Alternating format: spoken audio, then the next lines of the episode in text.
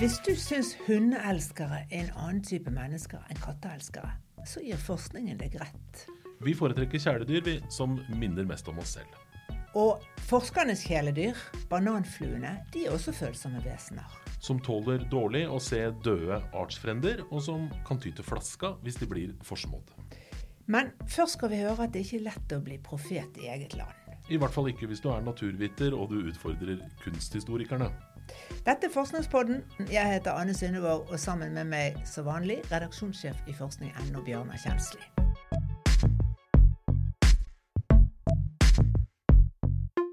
På forskning.no går to temmelig opprørte meteorologer i rette med kunstmiljøet i Norge.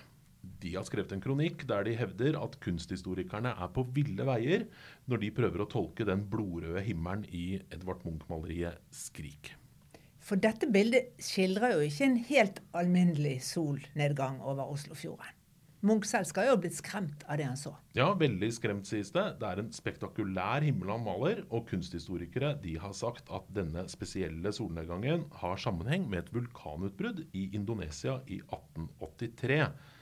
At det da er støvpartikler i atmosfæren fra dette vulkanutbruddet som har skapt de spesielle skyformasjonene som vi ser på det bildet. Nei, mener meteorologene Svein Fikke og Øyvind Nordli.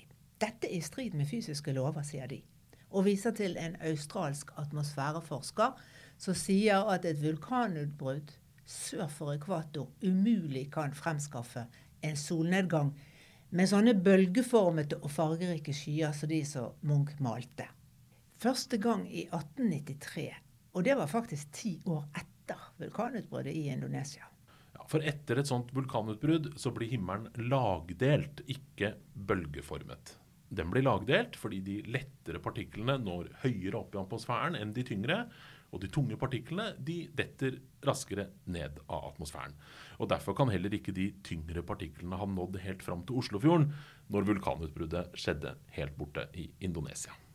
I stedet mener meteorologene at det var perlemorsskyer Munch så den gangen i 1893, da han sto på utkikksplassen på Ekeberghøyden øst for Oslo og etter sigende ble så skremt av det han så.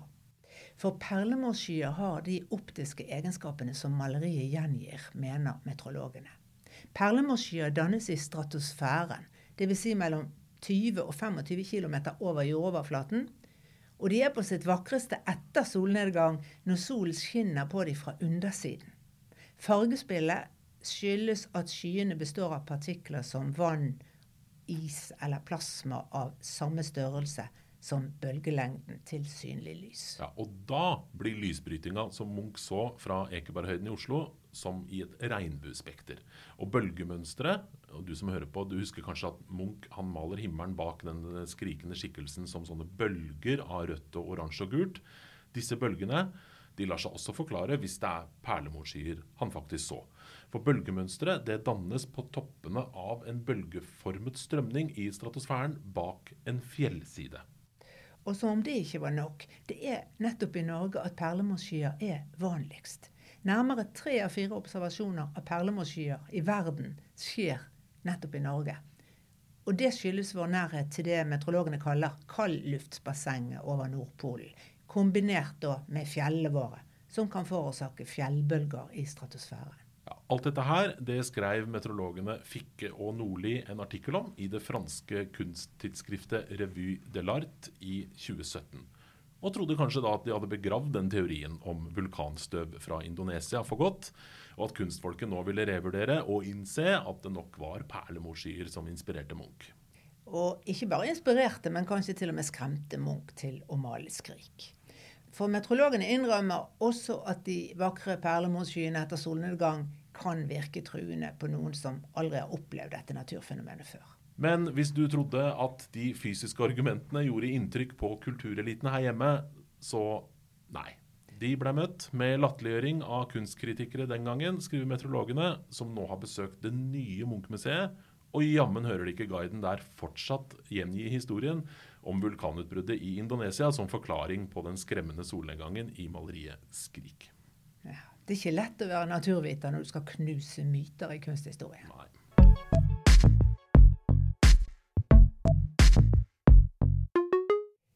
Bananfluene er i sesong om dagen. Har du et fat med litt moden frukt stående, eller lar matavfallet ligge litt for lenge i kjøkkenbenken, så har du de der svevende over bossbøtten eller fruktfatet. Og de kommer alltid i flokk. Vet du hvorfor? Ja, fordi de er sosiale vesener. Ja, veldig sosiale. De jakter på mat sammen, de slåss og de flørter vilt med hverandre. Og så er de forskernes favoritt, og det er ikke måte på hvor mye det forskes på bananfluer. Den har faktisk vunnet fem nobelpriser allerede, for den er et av de mest populære forsøksdyra som fins. Og det skyldes ikke bare at de formerer seg fort. En ny generasjon de er på plass etter bare et par uker. Og de er veldig billig i drift. Men de har også mye til felles med oss mennesker. Vi har 60 av genene våre til felles, vi, med den lille bananfluen. Noe som betyr at forskerne ofte finner grunnleggende trekk hos bananfluen, så de også finner hos pattedyr og oss mennesker. Og nå har de studert hvordan bananfluer reagerer når kameratene deres dør. Dvs. Si når de blir vitne til massedød. Det er forskere ved universitetet i Michigan i USA som forteller at en bananflue som ser flere andre døde fluer rundt seg, går ned i vekt og lever kortere enn andre fluer. Og da vil heller ikke andre levende bananfluer ha så mye mer med dem å gjøre. Så de lever ensomme resten av livet. Som nå er forkortet med rundt en tredel. Og det forskerne gjerne ville finne ut av, er hvorfor synet av lik får bananfluen til å dø raskere.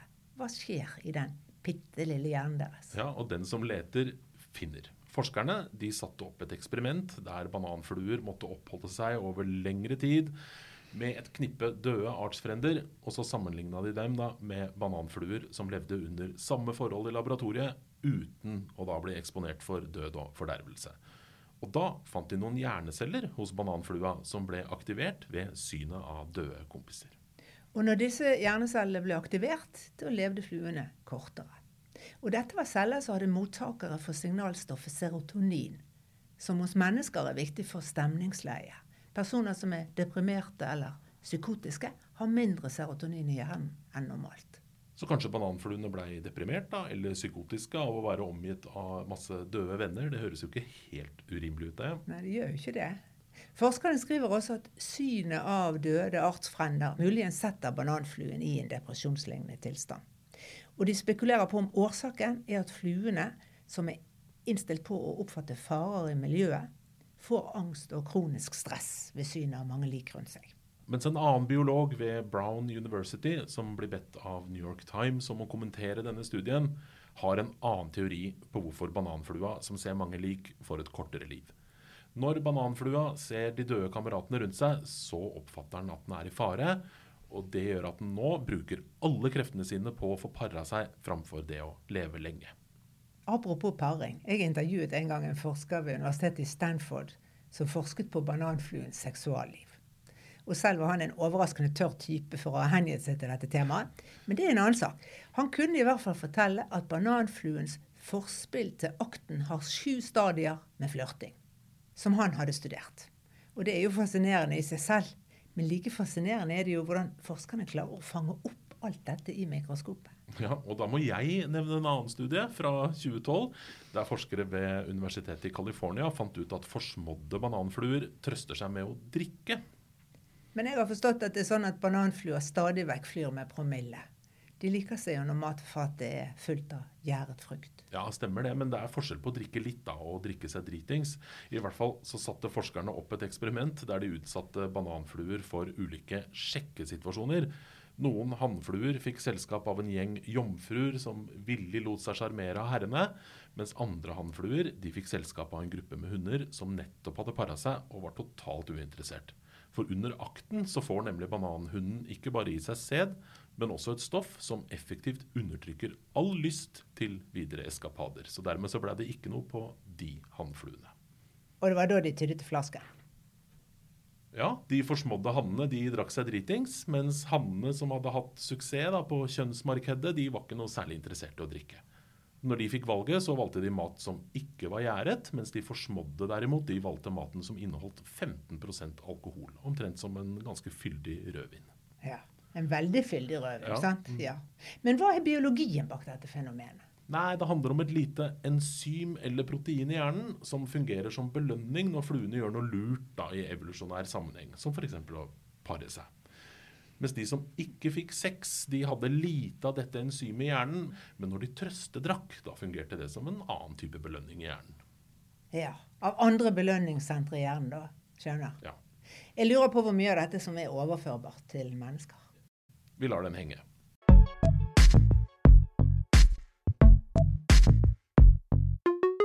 Når vi snakker om frukt, det er fruktsesong, og spørsmålet er hvor lurt det egentlig er å spise nedfallsfrukt. Ikke veldig lurt. Ifølge Hanne Marit Gran ved Mattilsynets seksjon for kjemisk mattrygghet, så er det sånn at hvis frukten er uskadd og nettopp har falt ned, så går det bra. Men ellers, styr unna. Grunnen heter muggsopp, som kan danne gifter i frukten. Muggsoppen vokser raskt på frukt på bakken som er fuktig. Da får den både mat fra frukten og vann fra bakken, og det er alt den trenger. Og epler angripes av en muggsopp som heter patulin, og som gir kvalme og oppkast og diaré. Det er ikke langvarig, men verre er det at patulin også ser ut til å kunne skade immunforsvaret og cellene i magen og tarmen. Ja, Så det er ikke så lurt å gomle i seg epler, pærer eller plommer som har falt ned på bakken, eller drikke saft som er pressa av nedfallsfrukt. Men det er jo mange av oss som har knasket på et eple som vi fant på bakken, og ikke blitt syke. Så seniorrådgiveren på Mattilsynet hun modererer seg litt. Frukt som ikke er skadet, og som nettopp har falt ned, er trygt å spise, så sant de ikke har synlige brudd i skallet. Ja, for Muggsoppen den angriper først nedfallsfrukten eh, når den har fått slag og sår. og Det kan gå ganske fort, særlig når det er vått på bakken. altså. Da kan soppen ha infisert frukten på bare en dag eller to. Så ikke spis frukt som du ikke veit når falt ned, er rådet fra Hanne Marit Gran. Det hjelper heller ikke å skjære bort brune råteflekker på eplet eller plommen, for giften som muggsoppen produserer, kan fort spre seg til hele frukten. Og det hjelper heller ikke å koke eplemos av fruktkjøttet som ser fint ut, for soppgiften den overlever varmebehandling. Så hvis du skal safte eller sylte, så må du heller ikke bruke nedfallsfrukt. Derimot er det ikke så farlig hvis du skal lage alkoholholdig sider. Gjæring eller fermentering av eplejus vil redusere giftmengden. Da veit vi det.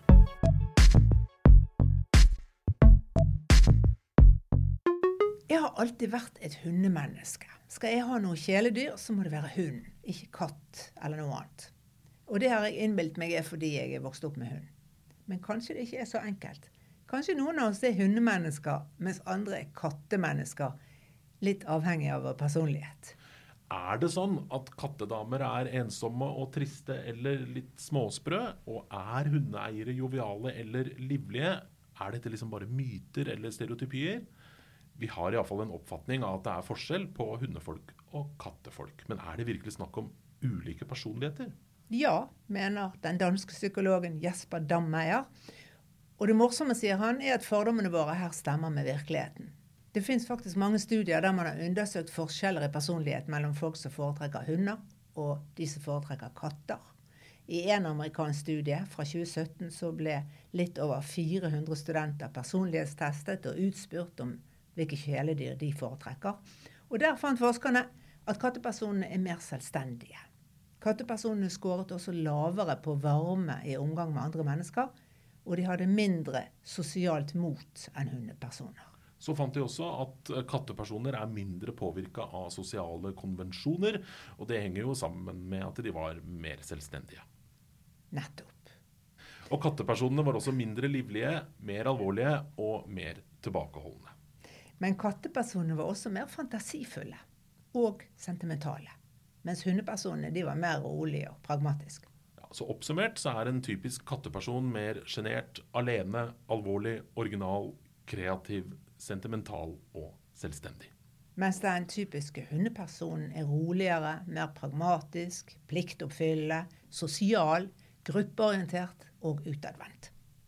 Og dette stemmer godt med resultatene fra en annen amerikansk undersøkelse fra 2010, der 4500 mennesker deltok. Her skåret hundepersonene høyere på ekstroversjon. De var også mer vennlige og samvittighetsfulle enn gjennomsnittet. Ja, Men kattepersonene de scora høyere på åpenhet for nye opplevelser, og også for personlighetstrekket nevrotisisme, som kjennetegnes av at du har lett for å gruble og bekymre deg. At du er usikker på deg sjøl og sårbar for kritikk. Så på disse overordnede personlighetstrekkene så ser man forskjeller mellom hunde- og kattepersoner, sier den danske psykologen. Men det er på gruppenivå, da, så det gjelder ikke nødvendigvis for hver enkelt av oss. Ja, og enda en studie fra Australia, 2015 skjedde den. Der fant man også en liten forskjell når det gjaldt sosial dominans. Hundepersoner var mer tilbøyelige til å tenke at det er naturlig at noen bestemmer over andre, mens kattepersoner er mer likhetsorientert. Og det gir jo mening i den forstand at en hundeeier må bestemme over og helst dressere hunden mens en katt passer seg selv og ikke underordner seg eieren, sånn som hun gjør. Den danske psykologen mener også at årsaken til at hunde- og katteeiere gjerne har litt forskjellig personlighet, det er at like barn leker best. Det gjelder jo både for venner og partnere, men også for kjæledyr. da. Vi foretrekker kjæledyr som minner om vår egen personlighet, sier han til nettavisa vitenskap.dk. Så er du en person som er selvstendig og syns det er unaturlig at noen bestemmer over andre, er du antagelig mer et kattemenneske enn et hundemenneske. Eller hvis du liker å være aleine. Da er det jo enklere å ha katt enn hund, og etter hvert så får disse preferansene en sånn selvforsterkende effekt, sier psykologen. Men du som hører på, tenker kanskje at du kjenner hundeeiere eller katteeiere som slett ikke har den personligheten som disse studiene mener at de skal ha. Og da må vi presisere at disse forskjellene man har funnet, ikke nødvendigvis gjelder hunde- og katteeiere. Men det gjelder for personligheten til de som sier de foretrekker hunder eller katter. Det handler mest om folks selvoppfattelse. Ja, jeg liker hunder best, men har katt, f.eks. Ja. Der ser du. Og dette er en selvforsterkende greie, fordi vi plasserer hverandre da, og oss selv i båser, og så lever vi litt opp til det.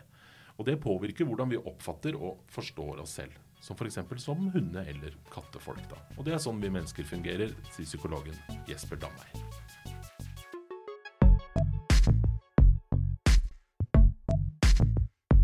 Forskningspodden er laget for forskning.no av Anne Sundvåg og Bjørnar Kjensli. Vi høres.